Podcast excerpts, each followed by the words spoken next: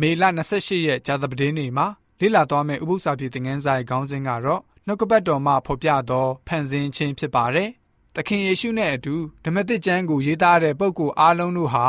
ကပ္ပဦးကျမ်း1ကနေ7အထိဖော်ပြထားတဲ့နောက်ခံရာဇဝင်တွေကိုမှီညမ်းကိုးကားပြီးတော့ရေးသားကြပါတယ်။သခင်ယေရှုဟာမောရှေရဲ့ရေးသားထားချက်တွေကိုအစွဲပြုပြီးတော့လူယောက်ျားလူမိန်းမကိုဖန်ဆင်းတဲ့အကြောင်းမွဲ့ဆိုခဲ့တာတွေ့ရပါတယ်။ ရှင်ဘောလူကလည်းပဲဖန်ဆင်းခြင်းအကြောင်းကိုပြန်လည်ပြီးတော့ရေရွတ်ပြောဆိုပြီးတော့ဩဝါဒစာတွေမှာအသုံးပြုရေးသားအမွှန်းတင်ထားတာကိုလည်းပဲတွေ့ရပါတယ်။အေသင်မြို့မှာရှိတဲ့လူတွေကိုအတိအလင်းကျင်ညာဘယ်လိုမျိုးပြောလဲဆိုတော့တမန်တော်ဝတ္ထုခန်းကြီး19ငွေ24မှာလောကဓာတ်မှစ၍လောကဓာတ်၌ရှိလေသမျှသောအရာတို့ကိုဖန်ဆင်းတော်မူသောဖျားသခင်သည်ကောင်းကင်နှင့်မြေကြီးကိုအစိုးရတော်မူသောအရှင်ဖြစ်၍လူတို့လက်ဖြင့်လှုပ်သောဗိမာန်၌ကင်းဝတ်တော်မူသည်မဟုတ်ဆိုပြီးတော့မှဖော်ပြခဲ့တာတွေ့ရပါတယ်။ အဲ့လိုမျိုးသောနီးနဲ့တမန်ကျန်ရေးသားထားသမျှကိုပြန်လည်ဆန်းသစ်ပြီးတော့ဖြစ်ရအမှန်ဖြစ်ကြောင်းဝန်ခံတတ်သိပြုကြပါတယ်။ရှင်ဘောလူဟာဆိုလို့ရှိရင်အကြိမ်ပေါင်းဒါဇင်ဝက်ထက်မကအာဒံကနေယေရှုရှင်အထိဆင်းသက်လာပုံကိုဆက်နွယ်ခြင်းကိုထက်ခါထက်ခါပြောထားတာတွေ့ရပါတယ်။အဓိပ္ပာယ်ကတော့အာဒံဟာ